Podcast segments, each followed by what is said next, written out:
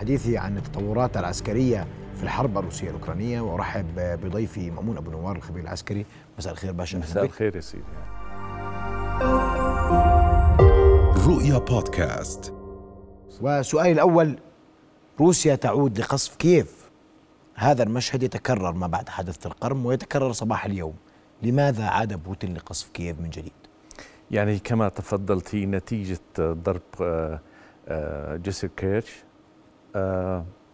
ضربات ممكن أقول أنها انتقامية وعقابية. هذه هي أحد أدوار سلاح الجو في كل أسلحة الجو في العالم. آه، ضرب البنية التحتية أيضا لكن هو يريد كسر إرادة القتال للأوكران إخافة الناس إرعابهم لأنه مثل هذه الضربات تؤثر أيضا وتخلق صدمة نفسية آه، للسكان. آه، حققت بعض آه، يعني أهدافها هذه الضربة بالنسبة لقطع الطاقة عن بعض القرى والمدن في أوكرانيا. ولا يزال سوف يقوم بمثل هذه الضربات لكن سيواصل قصف كييف؟ أعتقد سيخفف الآن قليلا لكن في أي عملية أخرى سوف يضرب. نحن مقتربين على فصل الشتاء وهو يحاول أن يحفر أقدام قوات الجديدة هاي وخاصة جماعة التعبئة في حدود الدنباس فقط. آه، في جدل كبير صار بالنسبة لتدريب آه، التعبئة اللي صارت هناك.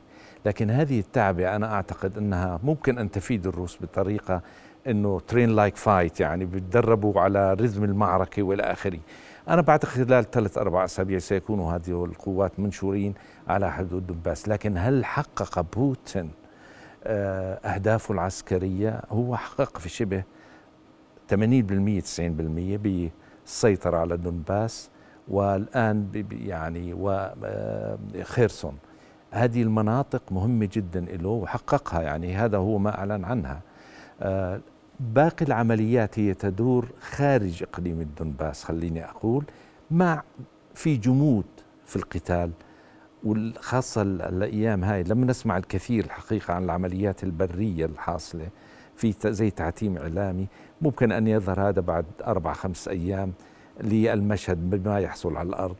لكن يعني واصلة معركة الجمود هي بطريقة ما. ستيلميت آه، بما يقال. هي لا هي لا تعني وقف إطلاق النار ولا تعني هدنة. هي عبارة عن هجمات معاكسة من قبل الطرفين للسيطرة على بعض المدن. لكن هذا المجمل حدث لن تغير كثير في الموقف البري. مزيد من الجمود خلال الأيام المقبلة؟ أعتقد المقبلة. أعتقد لأنه فصل الشتاء آه، خاصة على الطرفين يعني. المدولب صعب المجنزر صعب المشي فيه فبدهم أراضي صلبة وهذا لن يتوفر لهم. ولذلك آه، أيضا العمليات الهجومية في فصل الشتاء صعبة على اي جيش في العالم الحقيقة. فهو أعتقد سوف يعني يبقى في نفس هذه الحدود تحضيرا لفصل الشتاء وممكن بعد فصل الشتاء أو يعني في السنة القادمة نشاهد عملية وقف إطلاق النار. ليس مفاوضات أو هدنة في طريقة ما للوصول إلى تسوية لكن هذه حرب أجيال. أنا أشبهها بحرب أذربيجان وقرباخ وأرمينيا. يعني سوف تتجدد مرة أخرى في المستقبل. لا نهاية للحرب الأوكرانية الروسية. لا نهاية للحرب الأوكرانية لكن هو حقق اللي بده إياه منع الناتو من دخول أوكرانيا آه لم يغير لم ينزع سلاحه إلى آخره لكن بعض الأهداف اللي كان وردها خاصة إقليم الدنباس سيطر عليه البحر الأسود أزوف أوديسيا أيضا واللي هي الشريان الحديدي شريان رئيسي لأوكرانيا يعني يسيطر عليها بطريقة ما. طب المناطق التي اليوم تسيطر عليها روسيا وضمتها وفقا لاستفتاء أجرته لروسيا هل يمكن للجيش الأوكراني أن يستعيدها؟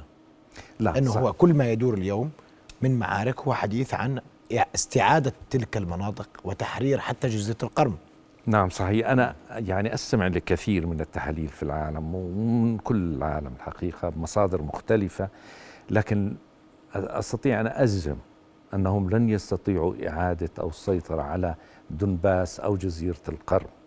يعني هاي دولة هي من الصعب السيطرة وعندها القدرات والموارد الكافية لتضرب أي مكان في روسيا. هي لم تستخدم الحرب السبرانية كاملة. في أوكرانيا تقصد. في أوكرانيا.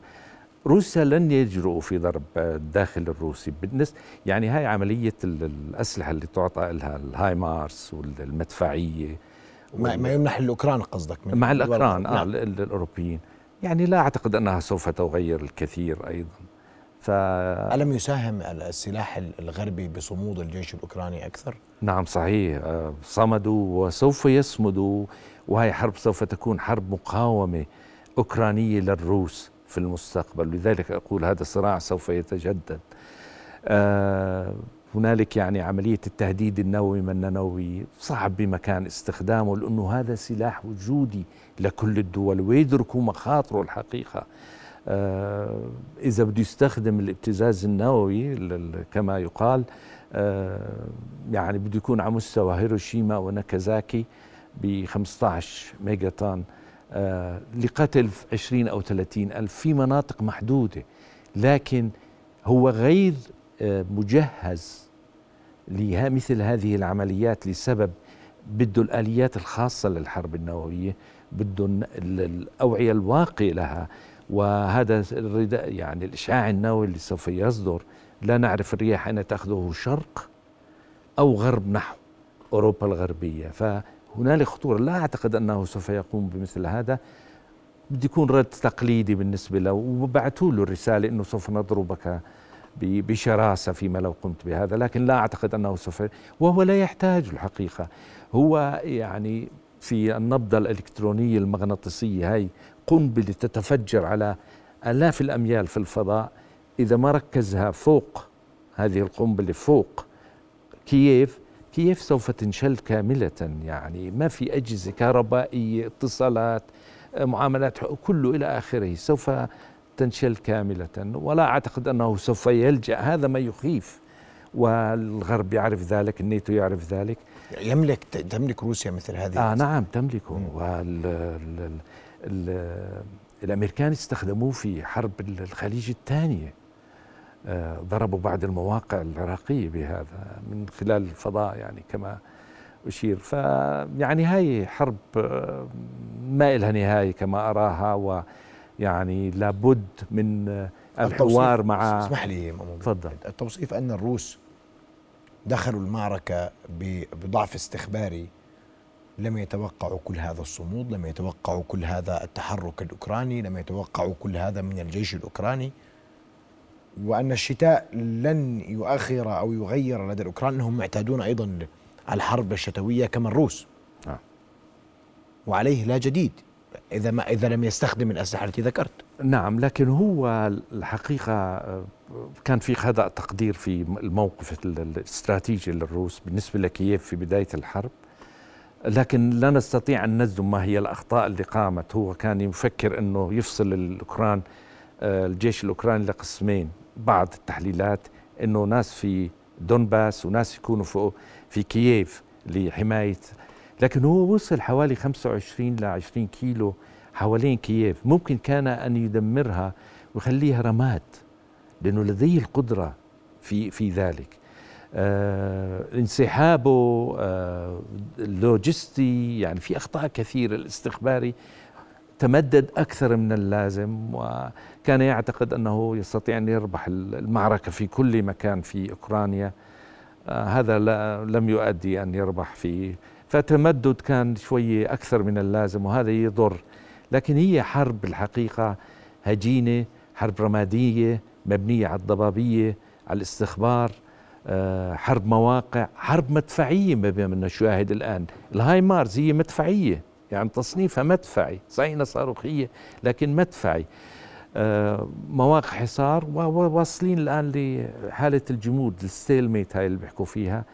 اللي هي ممكن أن يستعيدوا بعض المواقع من قبل الطرفين لكن, لكن لا تعني تغيير كبير في الحرب الحالية لكن باشا اسمح لي الأوكران يتحدثون عن تقدم في هذه المناطق التي أعلن انضمامها إلى روسيا وأنها جزء من من روسيا الاتحادية.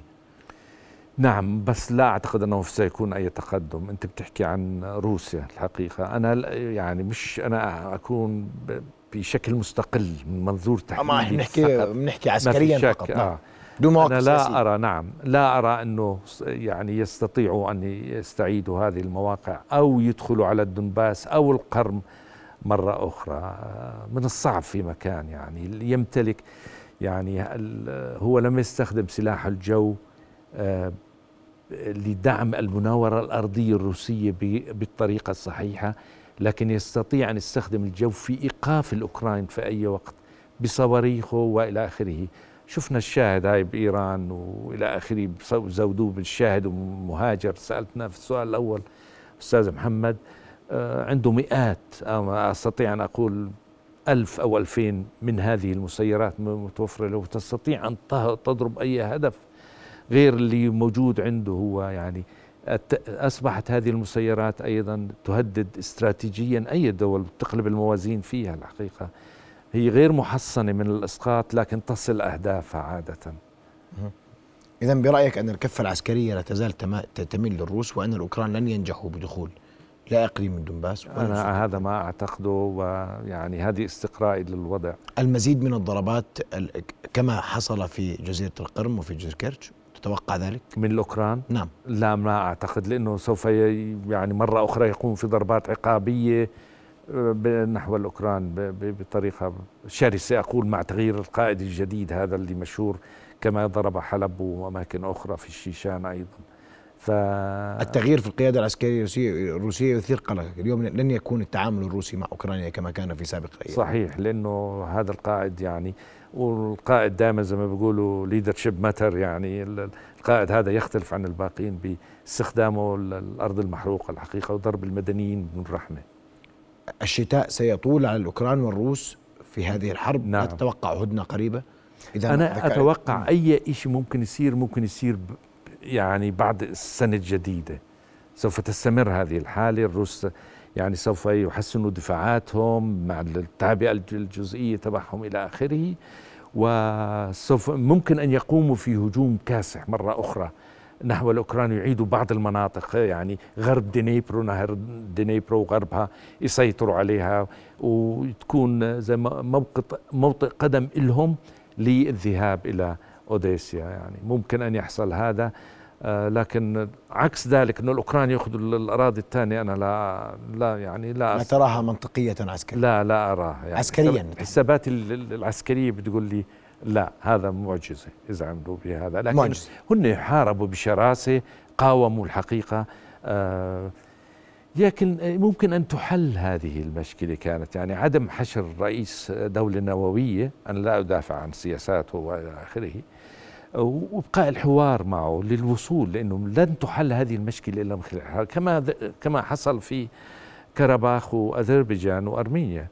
يعني لابد من هذا لكن كما قلت هاي سوف تستمر يعني كفاح أجيال آه، في المستقبل. معركة طويلة وتستمر آه لأجيال. ما في شيء بدي اشكرك كل الشكر الخبير العسكري ابدا شكرا لكم لاستضافتي شكرا. رؤيا بودكاست.